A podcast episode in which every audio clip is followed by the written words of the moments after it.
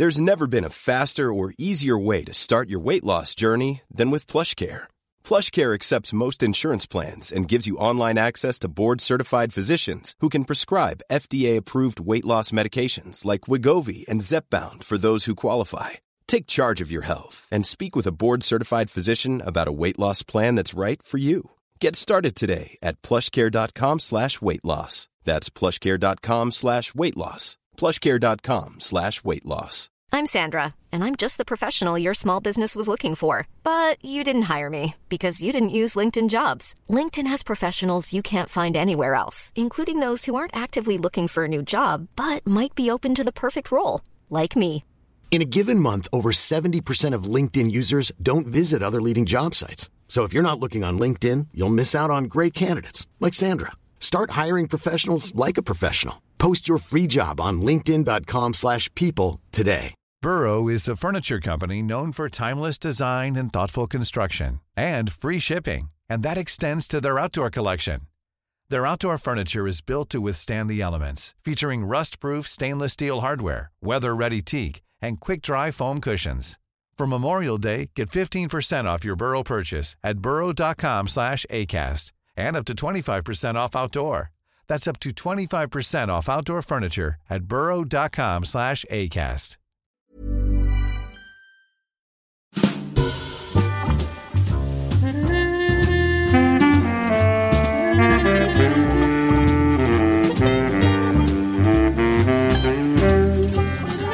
Köp nya iMac hos Kullander i Malmö eller på kullander.se.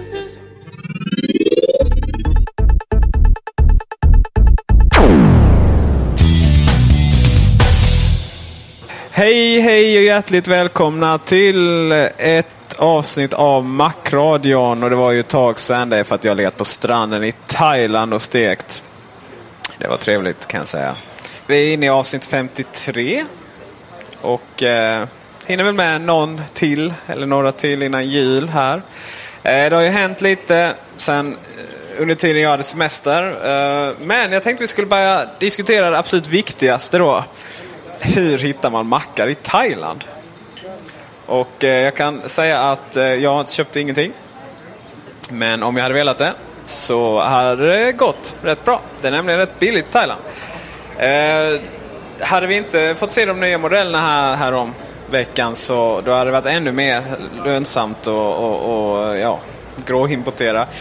Eh, det är nämligen så att eh, de thailändska priserna, är, eh, valutan och sådär är väldigt Ehm, något mycket bunden till dollarn. Och det vet vi ju ibland hur det blir ehm, med vår svenska valuta jämfört med den. Och Apple-priser, det kan vara ganska, kan vara ganska eh, ekonomiskt försvarbart att handla utomlands. Då. Och det är så här att eh, som med alla andra svenskar här på planeten så far man ju till Phuket som är en ö utanför Thailand. En väldigt stor ö kan man säga. Man, det är inte så att man direkt kan gå från ena, ena eh, delen till den andra. Eh, och där finns det Phuket Town som är en, eh, ja, man kan nästan kalla den en stad mitt i. Inte särskilt stor, men den finns. Och eh, där finns en eh, Mac-butik. Någonstans. iStudio heter, kallas de. Och eh, utanför Phuket, så, eller förlåt, utanför Pucketown så finns det en eh, stor, stor, jättestor köpcentra som heter Central Festival. Där kan man också handla mack. Och eh, Sen även där vi var i Patong så, eh, så finns det en Apple-butik. Men, eller en Apple-återförsäljare. Men det är ingen officiell Apple Premium Reseller. Så att... Eh, jag vet inte hur, hur, hur, mycket de har och sådär. Jag vet inte riktigt vad den är heller tyvärr. Men eh, det finns där enligt rykten. Och eh, så är det lite så här, vad händer om man då köper en, en, en mark utomlands? Eh, jo, på datorer så är det faktiskt ingen tullavgift alls. Inte på mobiltelefoner heller.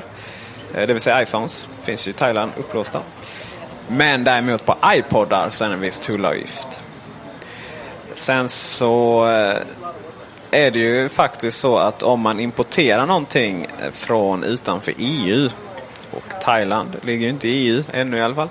så ska man förväntas betala moms på dessa grejer och eh, när man gör det så blir det sällan billigt att handla. Men eh, mm, jag uppmanar inget jag uppmanar ingen till att göra några brott. Alls. Inte ens lite. Hur är det med tangentbord och mus och sådär? Ja, eller ja, mus är väl samma sak i hela världen. Men tangentbord, jo det är eh, mycket engelska tangentbord eh, i Thailand. Men också inhemska. Och eh, när det kommer till bärbart så är inte det jättebra. Det kan man ju byta. Men det kostar lite. Särskilt på de nya Unibody. Eh, när det kommer till stationära som iMac och sådär så spelar det ingen större roll. Ja, och så är det egentligen att köpa Mac i Thailand. Kom ihåg att man får ha med mest, som mest 20 kilo i bagaget med sig. Annars blir det dålig stämning på flygbolagen. Anledningen till, som Peter nu precis sa, att det kostar lite pengar att byta ut tangentbordet på de nya Unibody-datorerna är helt enkelt naturligtvis för att man inte bara byter tangentbordet i sig utan du måste också byta ut själva chassit på datorn. Detta då chassit har ju utgröpningar som bara passar då Eh, det tangentbordet som sitter i. Och tangentbordslayouten skiljer sig lite grann mellan länderna. Exempelvis den amerikanska tangentbordslayouten och storleken på knapparna skiljer sig något från den svenska. Så således så går det inte längre att bara byta ut själva tangentbordsdelen som man tidigare kunde göra på den gamla designen som eh, Macbook Pro hade exempelvis. Där man bara precis bytte ut i princip knappdelen och sen var det klart. Så här måste man alltså byta ut eh, en stor del av chassit för att, eh, för att det faktiskt ska bli eh, ska bli våra svenska tangenter. Så således så blir det ganska dyrt och kanske inte ekonomiskt försvarbart att göra längre. Men skulle man få för sig att köpa kanske framförallt då en bärbar dator utomlands så kan man ju alltid vara säker på att man har en världsomspännande garanti som Apple har på sina bärbara datorer. Så det innebär alltså att om du köper en dator i Thailand exempelvis så kommer du även ha garanti och kan lämna in den för reparation i Sverige. Detsamma gäller iPodar och också iPhone vill jag minnas, men inte den stationära, det stationära utbudet av datorer. Ja, inte iPhone heller. Inte iPhone, där ser man. Uh, och uh, när det kommer till språk och sådär, så själva systemet kan man alltid, det är samma på alla, hela världen. Så det går att välja svenska och sådär. Inga problem med det. Problem däremot, det har ju det här företaget som jag inte kan uttala namnet på. Hjälp mig där. Psystar ska jag tro att det uttalas. Tack så mycket. Ja, de har ju varit... Vi har ju pratat, det är ett av våra favoritämnen jämte Microsoft och, och Palm. Eh, är ju det företaget. Och eh, ja, det har ju inte gått så bra för dem. Kan man inte säga. SiStar har ju liksom legat i en legal disput med Apple under väldigt lång tid nu här huruvida de ska få rätten eh, att ha rätten att sälja egna datorer med MacOS 10 installerat från början. Eh, och man har då försvarat sig och, och påstår att de har all rätt att göra det och så vidare och att den här eh, End User License Agreement som man ses, klickar OK på när man installerar ett operativsystem att den inte eh, är hållbar i, eh, i, i rättsligt och så vidare. Eh, och det, den här prövningen i USA då kom det fram till att det faktiskt är juridiskt hållbart att ha det här så att de, de förlorade ganska mycket där då av sina krav på att faktiskt få, få rätt att sälja Mac OS 10 med sina datorer. Så det är ett, ett stort bakslag för dem. Sedan så tvingades de ju också publicera eh, de, de tvingades lämna över dokument eftersom Apple har stämt dem i, i sin tur nu då för att de har sålt datorer utan Apples tillstånd. Så har de tvingats lämna över sina dokument till Apples folk så att de kan gå igenom det och granska det och, och konstatera hur mycket skada så att säga som de har åsamkat Apple. Alltså hur många, kan man säga, hur många kunder de har stulit från Apple. Eh, och från de dokumenten som de lämnat över, det ska tilläggas att de här dokumenten anses vara ofullständiga, eh, så är det knappt 800 datorer som de lyckats kränga. Jag tror det var 768 eller sånt här. Som man kunde konstatera att de garanterat hade sålt. Och det ska då kontrasteras mot att Systar hade gått ut och lovat att de skulle sälja 70 000 datorer inom det första, jag tror det var första året som de hade lovat sina... Ja, och sen var det ju miljoner eh, därefter. Sådär. Ja, det var fantasisummor. De hade, de hade ju två stycken sätt att se på det. Ett, ett var det aggressiva och ett var det konservativa så att säga. Man hade två stycken förutspåelser vad man trodde. Det konservativa idag kanske då det som... Det här kommer vi minst att göra. Och det aggressiva som man då påstod det var... Det slutade med att 2011 och sånt här så skulle man upp i 1,5 miljoner datorer eller något liknande. Det, det var det mer aggressiva då. Ännu mindre realistiska naturligtvis. Men de, de, de papperna som de har lämnat ut till Apple indikerar på att det är ungefär 800 datorer som har sålts. Det är alltså inte väldigt många alls. Men det ska ju också tilläggas att SiStar kanske inte har eh, någon anledning att egentligen berätta för Apple hur många datorer som de har sålt. Därför att om nu Apple lyckas stämma dem och vinner stämningen, alltså så att de, de, de ska ha skadestånd från SciStar, så kommer det ju naturligtvis att baserat på hur många datorer som SciStar har lyckats sälja, det vill säga hur mycket kunder man har lyckats stjäla från Apple. Och då kan det ju finnas all anledning för SciStar att vilja spela ner eller att tona ner antalet användare som man har stulit och således kanske då också få en mindre eh, mindre skadestånd som man måste betala till Apple. Vi får se hur det... Ja, alltså kanske har de helt enkelt sålt sina 70 000 datorer. ja, just det.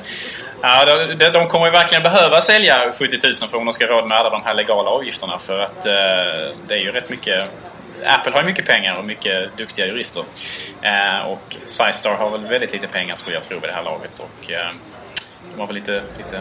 Jag vet inte hur deras jurister är, det ska jag inte säga någonting om. Men åtminstone så har de ju oerhört stora problem just nu så vi får väl se om företaget finns kvar eh, 2010 framåt. Men det är en intressant diskussion. Vad, vad händer eller så säga, i slutändan då, om, om ha, vinner eller hade vunnit? Eller, ja, beror på hur man ser på det. Om, om de redan har vunnit eller förlorat eller inte. Det hade ju öppnat upp för en klontillverkning som heter duga. Jag undrar hur det hade sett ut då? Hur, hur, hur det hade slått mot Apple? Ja, precis. Alltså, förra gången Apple försökte med kloner, eh, riktiga kloner, eh, så gick det inte så bra eh, för Apple-företaget. Medan Mac-plattformen kanske tjänade på det på sitt sätt. Det, det såldes ju en hel del datorer kanske till folk som annars inte hade köpt Macintosh-datorer. Men eh, Apple som företag hade ju väldigt stora ekonomiska bekymmer under den här tiden. Det fanns ju en anledning till att Steve Jobs dödade klontillverkningen eh, under, eh, när han väl kom tillbaka till Apple 97.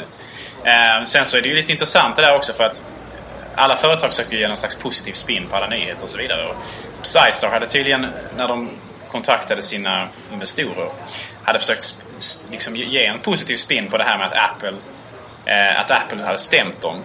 Då försökte de liksom spinna det på det sättet att säga att eftersom Apple nu stämmer oss så, så kommer det avskräcka andra då, eh, eventuella potentiella klontillverkare från att vilja gå in i marknaden och eh, skapa egna kloner till Macintosh. Och det skulle då ge SciStar en konkurrensfördel då för att man skulle få ha exklusivitet, eller vad man nu ska kalla det, på klontillverkningen under längre tid. Därför att andra stora företag kanske inte då skulle våga riskera någonting så länge som man själva var, som, som Sizestar var stämd av Apple. Så man försöker alltså spinna det här till sin egen fördel då och eh, det är en ganska intressant vinkling på det hela att det i slutändan är något bra för företaget att de har blivit stämda. Sen, sen är det ju så att det finns ju fler företag som är det. finns något tyskt företag, något ryskt företag och, och sådär. Eh, men det är ju intressant också. I vilken, vad, vad påverkar detta? Så att säga deras, de företagen med tanke på att amerikansk lag ju inte gäller utanför USA oftast. Det blir säkert individuella prövningar där i de egna länderna. Eh, Tyskland kan jag tänka mig. Eh, det tyska företaget kan få det svårt. Jag vet faktiskt inte hur... Eh, fördomar här lite grann. Men jag vet inte hur lagstiftningen är i Ryssland exempelvis. Eh, hur eh, anti eh, vad ska man säga, pirat, eh, eller vad man nu ska kalla det. Alltså hur, hur, hur, mycket legala verktyg som Apple har till sitt förfogande att sätta åt de här då klon, illegala klontillverkarna, eller vad ska man säga, de otillåtna klontillverkarna. Eh, i, i det mån att de nu finns. Och säkert om de dyker upp i Kina exempelvis. Jag vet inte riktigt. Det är ju som du säger, det är ju, det är ju lokala eller regionala lagstiftningar som gäller. Och hur, hur mycket lagarna faktiskt upprätthålls av av staten. Det är precis. Sen kan man ju... Alltså, för amerik den amerikanska marknaden är ju den som är prio ett för Apple. Och den de bryr sig om äh, i störst utsträckning. Liksom, importen där kan, ju, kan, kan man ju hindra. Sen är det ju sådär att någonstans i slutändan med Apple handlar ju inte bara om att kunna få köra MacOS 10. Eh, även om det är någonting som, det är klart det hade varit jättetrevligt om man kunde installera det på var varannan PC. Sådär. Men, eh, eller, eller ja, vad man nu har för definition på en eh, så kallad ordinär Windows-dator.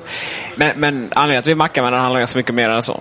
Det handlar ju om att vi faktiskt ska, alltifrån att vi ska slippa installera överhuvudtaget. Så här. Vi, att, det ligger upp, att det ligger på datorerna när vi startar dem allting bara funkar. Och designen, plattformen bara att följa Apple. Eh, allting handlar ju om så mycket mer än bara få köra MacOS 10 på, på en beige burk. Sådär. Jag skulle vilja våga påstå att MacOS 10 som, som, som körs på, på, en, på en annan dator än en Mac är inte MacOS 10 på samma sätt. Därför att Apple har ju en väldigt begränsad mängd hårdvara som man kan skräddarsy operativsystemet till. Eh, medans eh, då Microsoft när de tillverkar Windows måste göra det för alla möjliga hårdvaruuppsättningar.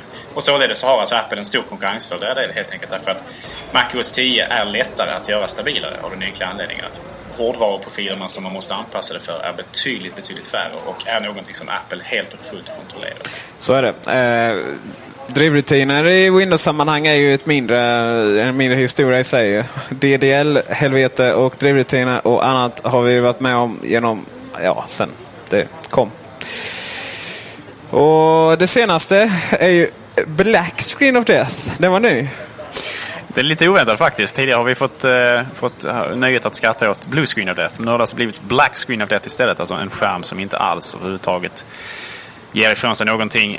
Um, vad, som hör, vad, jag, vad jag har hört om detta nu, detta är alltså nytt. Så att det är möjligt att vi, vi inte fått information ännu och så vidare. Men det är tydligen någon, en, en säkerhetsuppdatering för Windows 7 som har på något sätt eh, fått vissa datorer att helt enkelt sluta, sluta ge någon bild, sluta svara. Eh, tydligen så har detta varit i samband med att man använder vissa särskilda program. Så det är inte bara Windows 7 i sig som är kanske problemet då, utan alltså kombinationen av Windows 7 med vissa program, då bland annat något säkerhetsprogram, eh, har då gjort eh, att, eh, att datorn helt enkelt har blivit oresponsiv och man helt enkelt får installera om den eh, för att man ska ha en chans att Eh, för att kunna använda datorn igen. Så att det, är ju, eh, alltså, det, det, här kan ju hända på Macen också men, men det har ju inte gjort det ännu åtminstone. Och, eh, ja, det, det, är ju en, det är en myriad av saker som, som kan gå fel när man tillverkar någonting som, som Windows 7, Vista, XP och så vidare. Alltså, eh, långt mycket, många, många fler saker än, än, som faktiskt kan gå fel när man tillverkar Mac OS 10. Just på grund av färre hårdvaruprofiler exempelvis. Men också naturligtvis mindre, mindre mjukvara att, eh, att testa programmet mot för att se att det verkligen fungerar. Ja, och sen är man ju sämre på att utveckla program också rent generellt. Så att... Jag är faktiskt inte kompetent nog att bedöma deras eh, programmeringsfärdigheter på Microsoft. Däremot så tycker jag sämre absolut, åtminstone ur perspektivet användarvänlighet. Eh, vilket jag tycker på många sätt är Apples styrka. Eh, det finns ju mycket fördelar med att utveckla för Macen också, exempelvis om du är då tredjepartsutvecklare. Eh, med väldigt fina programmeringsmiljöer och så vidare. Eh, med Coco, Objective-C och så vidare. Som, utan att jag på något sätt förstår mig på programmering så har jag förstått att det här är väldigt bra tekniker att använda sig av och väldigt, sådär, väldigt tacksamt att programmera för. Det är kort och gott väldigt nice. Någonting som är mindre tacksamt att programmera för, eller kan man inte säga, men iPhone. Eh, är ju rätt trevligt och enkelt och det finns ju hur många program som helst som laddas hem hur många gånger som helst. Men den ständigt återkommande konflikten handlar ju om det här med att det är faktiskt Apple som godkänner vilka program som ska få finnas på App Store och då har man ja, dragit till sig lite konflikter. Senaste nu är de som heter Rogue um, Hjälp mig där. Rogue Amoeba. Ja, okej. Okay. Tack. De ger ut Airfoil som är ett bra program till Mac och Windows faktiskt. Som man kan använda sin Air, äh, eh, AirPod Express till att strömma musik från vilket program som helst, inte bara iTunes. Och de har ett program som heter Airfoil Speakers Touch. Heter det.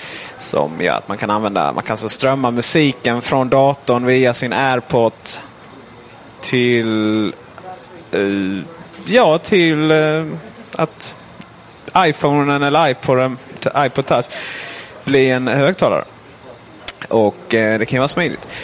Jag vet inte, det tog ett jättelång tid och, eller först släppte de programmet, det var inga problem. Och sen så släppte de en liten, liten, liten uppdatering och då fick de nej på grund av egentligen copyrightbrott då. Att man, man och det tog väl tid och allting var jättejobbigt och man förstod inte riktigt varför. Till slut fick man reda på att det handlade om att man använde datorsymboler. Alltså, alltså, om man strömmar från en Mac Pro så ser det ut att vara en Mac Pro på, på telefonen. Om man strömmar från en iMac så är det en iMac och så vidare. Och då, det är precis som man ska göra enligt enligt eh, de här användarguiderna som finns om man ska utveckla till iPhone och uh, iPod Touch. Man ska använda symboler, det ska vara enkelt och, och sådär. Va?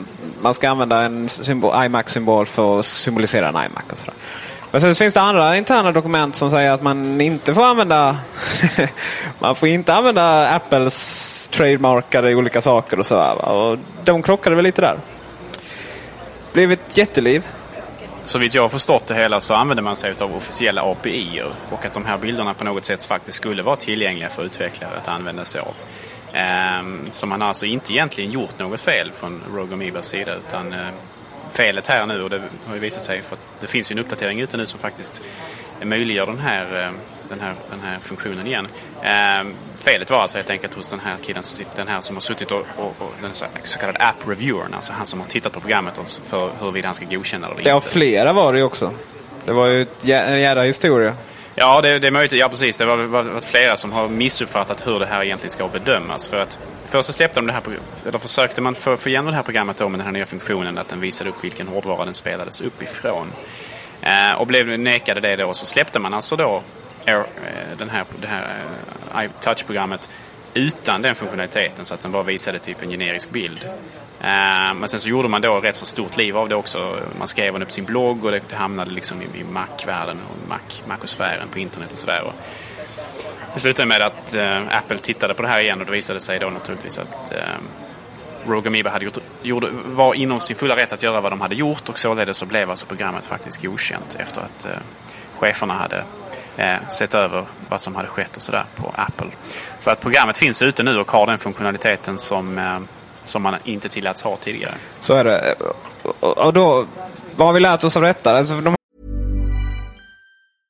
This is Paige, the co-host of Giggly Squad, and I want to tell you about a company that I've been loving, Olive and June. Olive and June gives you everything that you need for a salon quality manicure in one box. And if you break it down, it really comes out to $2 a manicure, which is absolutely insane. It's also so easy to get salon worthy nails at home with Olive and June. The difference between how your nails used to look when you did them yourself and now with the Manny system is a complete game changer. The best thing about Olive and June too is it's a quick dry, dries in about one minute, lasts for five days, and full coverage in up to one to two coats. Visit oliveandjune.com slash perfect Manny 20 for 20% off your first system. That's oliveandjune.com slash perfect Manny 20 for 20% off your first system. Hi, I'm Daniel, founder of Pretty Litter. Did you know cats tend to hide symptoms of sickness and pain? I learned this the hard way after losing my cat, Gingy. So I created Pretty Litter, a health monitoring litter that helps detect early signs of illness by changing colors, saving you money and potentially your cat's life. Pretty Litter is veterinarian developed, and it's the easiest way to keep tabs on your fur baby's health right at home. Go to prettylitter.com and use code ACAST for 20% off your first order and a free cat toy. Terms and conditions apply. See site for details. Millions of people have lost weight with personalized plans from Noom, like Evan, who can't stand salads and still lost 50 pounds. Salads, generally, for most people, are the easy button, right?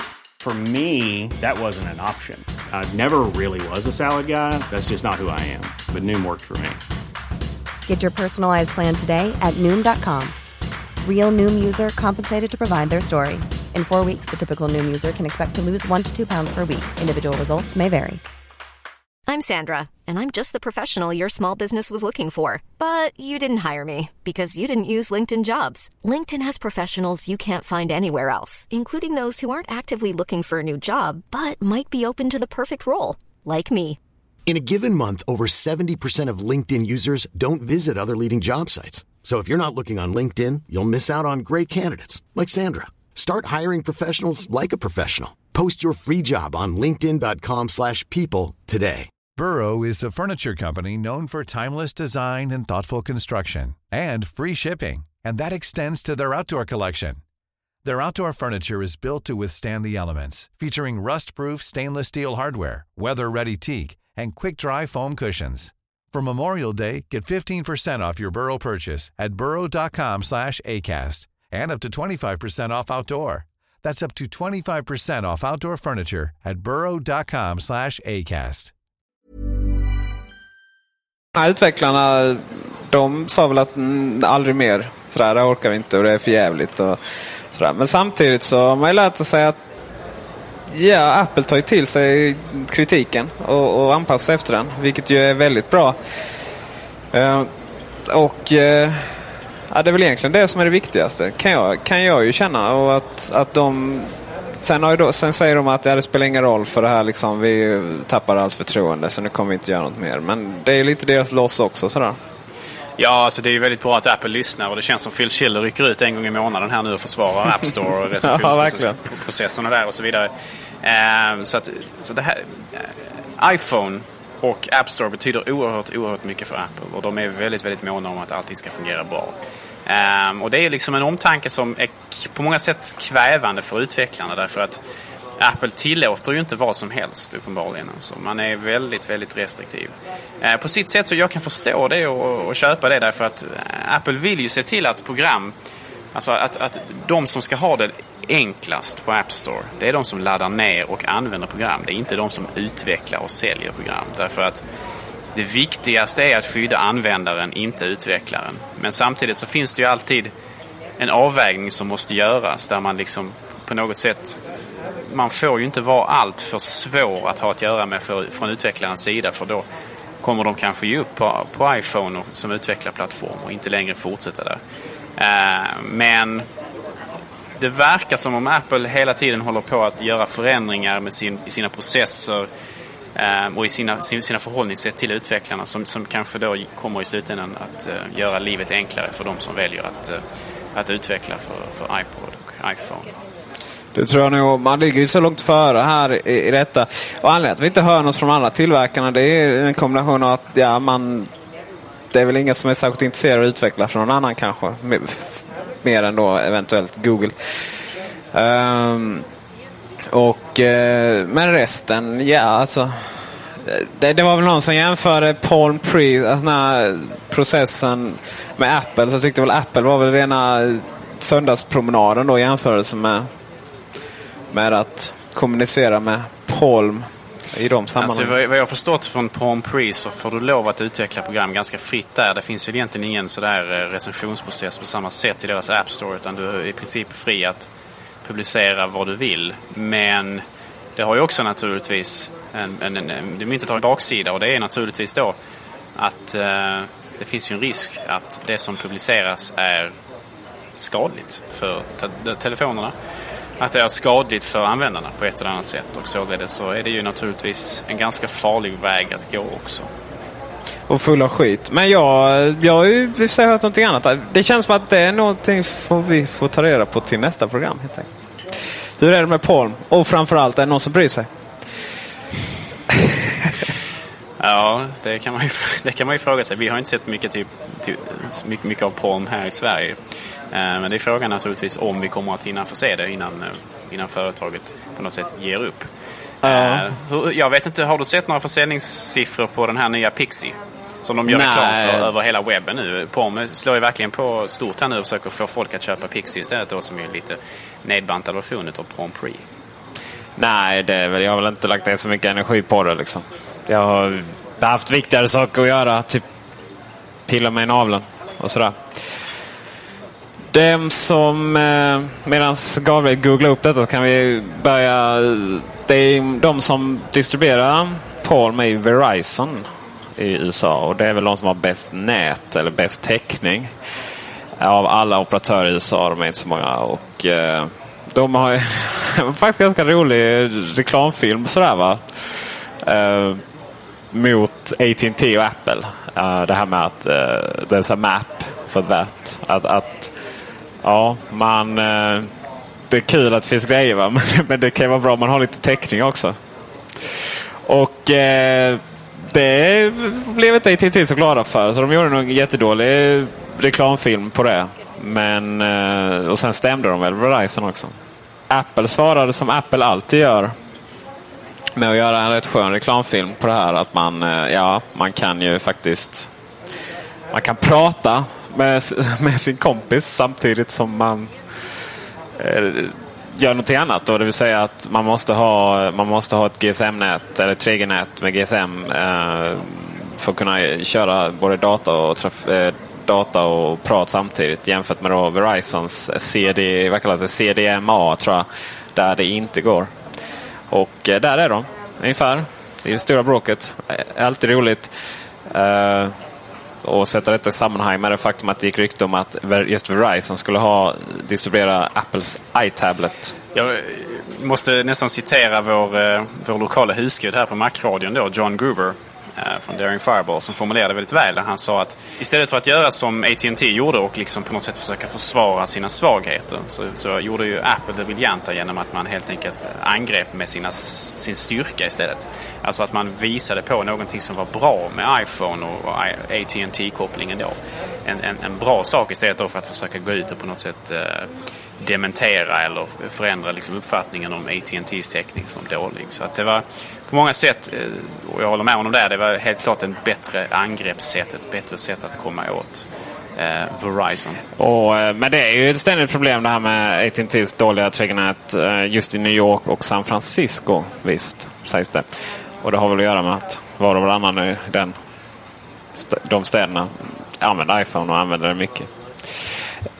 Vad jag har förstått så har ju, de haft en väldigt stor tillströmning av nya kunder, AT&T tack vare iPhone. Och det har ju naturligtvis inneburit att, att det befintliga nätet kanske inte har orkat med då helt enkelt eh, den belastning som detta faktiskt innebär. Men i slutändan så innebär det också att man borde ju naturligtvis ta chansen att när man väl får den här tillströmningen av kunder så har man ju en anledning att bygga ut och expandera och liksom förbättra tekniken. Så att, eh, det, det kan vara en ursäkt i ett halvår eller ett år men, men nu har ju AT&T haft iPhone väldigt länge och de här problemen kvarstår. Sen är det ju så här, va? som en kär, kär kollega till mig myntade varför... Alltså, visst, man kan förstå att, att man är beroende av operatörer för att lansera en medioker telefon sådär. Men varför hela friden binder man upp sig på olika distributörer, eller förlåt, olika operatörer med iPhone? Världens bästa telefon, säljer som smör, alldeles, alldeles underbar på alla sätt och vis. Och enda hindret är då att de är operatörslåsta och, och säljs via, via alltså, operatörerna. Eh, Helt, helt sanslöst. Jag håller med i det han sa och lite småupprörd. här. Så borde det naturligtvis vara, men jag kan tänka mig att liksom kulturen kring den här, den här branschen då och framförallt liksom kutym är väl att man gör det här på något sätt. Och att även Apple som är så mäktiga i det här läget speciellt då kanske har väldigt svårt att bryta mot de här eh, mot de här traditionerna och faktiskt då köra att man säljer sina telefoner till alla. Eh, och framförallt så, så hade ju Apple kanske svårt att göra det när, när iPhone lanserades första gången därför att trots att man hade en bra produkt och det visste man säkert om själva så är det svårt att veta hur mottagandet kommer att bli och man hade inte alls lika mycket påverkan och liksom tyngd i branschen som man har fått nu efter tre, tre, tre versioner av iPhone. Ja, men så är det givetvis. Och, och just i USA är det ju verkligen här liksom att där har det inte tillverkarna som har släppt telefoner, där är det ju operatörerna. Men, men här i Sverige och resten av världen är det ju inte riktigt samma. Och vi vet ju till exempel att Ja, men då kommer argumentet att ja, men operatörerna måste betala trafikavgifter till, till Apple för att... Eller så här, man delar på, man delar på abonnemangsavgiften och sådär. Men så är det ju inte i Sverige. Det var ganska, ganska offentligt att Telia betalar inte ett öre till Apple för sina abonnemang. Utan ja, det är liksom telefonerna köps in och säljs och, och sen tar Telia pengarna för abonnemangen. Och, och subventionerar telefonen. Men, men vad Apple tjänar på det är ju, det är ju liksom telefonen, vad den är byggd och säljs vidare för. Och det finns ju de länder där när alla operatörer har telefonen så då släpper även Apple en operatörsfri i deras webbshop. Det finns ju vissa asiatiska ställen och andra ställen eh, vet jag. Och ja, snälla någon. Nu har ju nästan alla den i Sverige. Då kan de ju släppa den lite operatörsfri. För det är, det är ju ett dilemma. Vi har en kompis här som eller jag har flera sådär som eh, antingen på grund av missförstånd eller tillfälligheter så sitter de med en telefon låst till Telenor och, och så har de Telia-abonnemang. det är sådär, ja då blir det bara att jailbreaka och med allt vad det innebär med eh, Steve Jobs som, som hatar en varje dag. Steve Jobs vrede är ju någonting som var Mac och iPhone-användare bör vara väldigt, väldigt försiktiga att se upp med. Så är det.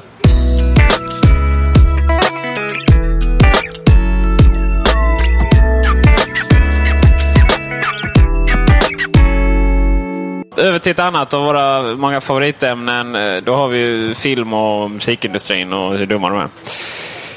Mm, eller ja, ja, det var inte riktigt det vi skulle prata om nu. Men jag känner att vi kommer, in, kommer komma in på det. Det är nämligen så att Spotify och Headweb finns inte i Plex. Plex som är det mediacenter som vi alltid tjatar om och det är alldeles, alldeles underbart.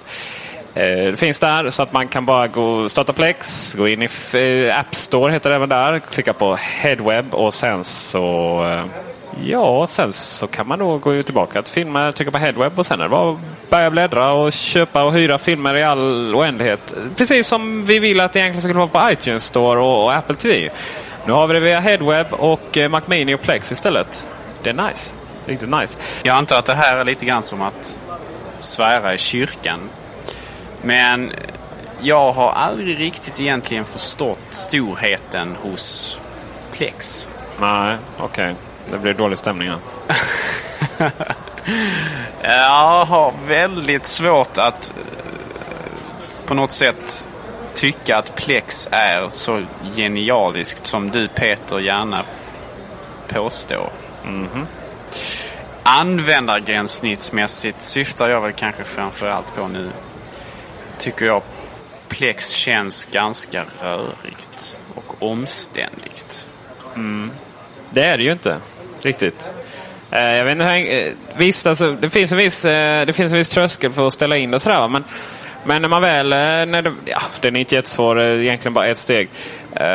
när man väl har sagt i vilken katalog som ens uh, filmer och tv-serier är, samt om det är huruvida det är filmer och tv-serier. Då uh, har man ju, då startar man Plex. Precis som med Apple fjärrkontrollen givetvis Remote Buddy installerad så man kan bara trycka meny och sen välja Plex data, precis som liksom Frontroll. Eh, trycker på tv-serier. Får man upp vilka tv-serier man har. Trycker på mm, Californication. Okay. Säsong 3. Ja. Har man det senaste där. Trycker play. Klart. Eller i Headways fall. Gå in under filmer. Trycka på hyr filmer. Uh, leta upp um, Harry Potter. Har de nu faktiskt. Det är, Headweb är ju bra där jämfört med Waddle. Man börjar ju få lite innehåll. Trycker på det. Uh, och så dras automatiskt då uh, från ens kort eller ens hyrpoäng om man har då eh, via headweb.com. Så börjar den starta då. Så är det klart liksom. Mm. Dålig stämning. nej. Nej, då. Det, är, nej, det är så oerhört enkelt och smidigt och jag tycker förhållandevis snyggt också faktiskt. Det, det, tycker jag. Sen givetvis kan man gå in och, man kan gå in och ställa in i absurdum och så men det är det man håller sig borta från givetvis. Problemet med Plex och i alla andra sammanhang också det är ju det är såklart var får man content ifrån. Och nu, nu har jag ett intresse. Jag tycker det är liksom gemytligt att sitta och bygga upp ett stort bibliotek av tv-serier TV och sådär va.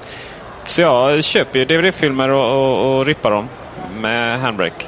Uh, och bygger upp liksom stora bibliotek. Och det, det, det är så man får göra. Men det är det grundläggande problemet. Var får man content ifrån? Uh, alternativ är ju då liksom Headweb eller eh, Spotify nu också då. Väldigt enkelt sitta och köra från fjärrkontrollen. Om man har premium ska sägas. För det måste man ju alltid ha i alla sammanhang som inte är grundläggande Spotify-klienter. Så är det. Och då kommer vi alltså osökt in på en ny liten trevlig uppdatering till Handbrake som du precis nämnde Peter. Just så. Handbrake, eh, det var ett år sedan det uppdaterades. Folk undrade vad som var på gång. Eh, nu är det 64 bitars. Jag brukar inte fatta någonting om vad det där betyder. Men vad jag vet är att i det fallet så betyder det att det är 10% snabbare på att rippa grejer. Och det är ju trevligt. 10% är ju... Det kan vara ett par minuter. DVD-film. I, den, I princip klarar den rippa, beror på vilken dator man har, i princip klarar den rippa realtid. Det är naturligtvis också frågan om det beror på 64-bitars förändringen eller om det är andra optimeringar som gjorde koden och programmet som sådant. Men, eh, så är det ju. Det är väl alltid en kombination kanske. Precis. Men det är ju naturligtvis ändå trevligt att, att det finns prestandaförbättringar som sådant. Det är snabbare rent generellt. Man har alltså man har slimmat det lite. Man har tagit bort sådana här presets till PS3 och Xbox och allt vad det heter. Uh, nu är det bara en allmän. Man uh, har tagit bort, alltså det går inte ens att göra AVI-fil eller DivX-filer längre. Utan nu är det H264 som gäller. Oj vad han ville någonting här nu. Detta på grund av att AVI börjar väl bli lite gammalt då. Och DivX, alltså AVI ska jag säga, uh, är det ju DivX man pratar om. och sen Xvid också då, som är någon form av, ja, det är väl open source-varianten av det hela. Man, man, man ser alltså H264 det är framtiden och det är nice. Eh, man har även eh, man har även en väldigt stor och glad nyhet att undertexter är numera mjuka.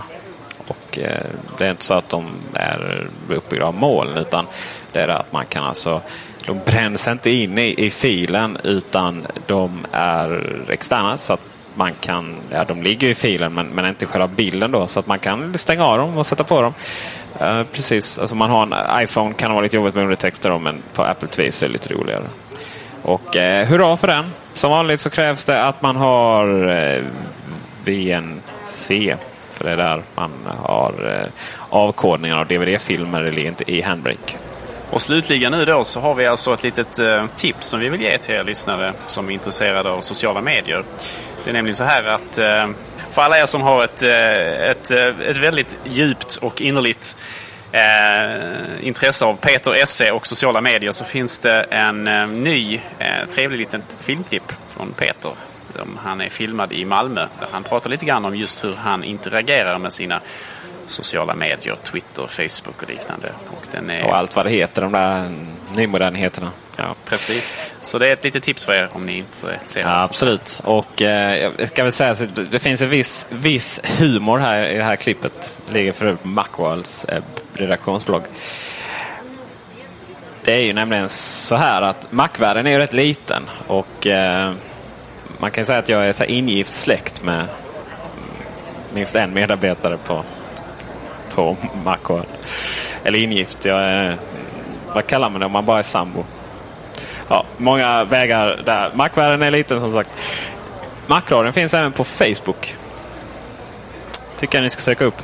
Och eh, eventuellt ska han på väg. Det finns faktiskt en Twitterkanal men den är lite, den är lite hemlig än så länge. Det, det är ju, som utlovat så kommer det lite förändringar i hela Macradion. Och, eller ja, det kommer inte vara så mycket förändringar av Macradion men det kommer bli en del av något större och iLove kommer att eh, bli något fint, vackert och sådär.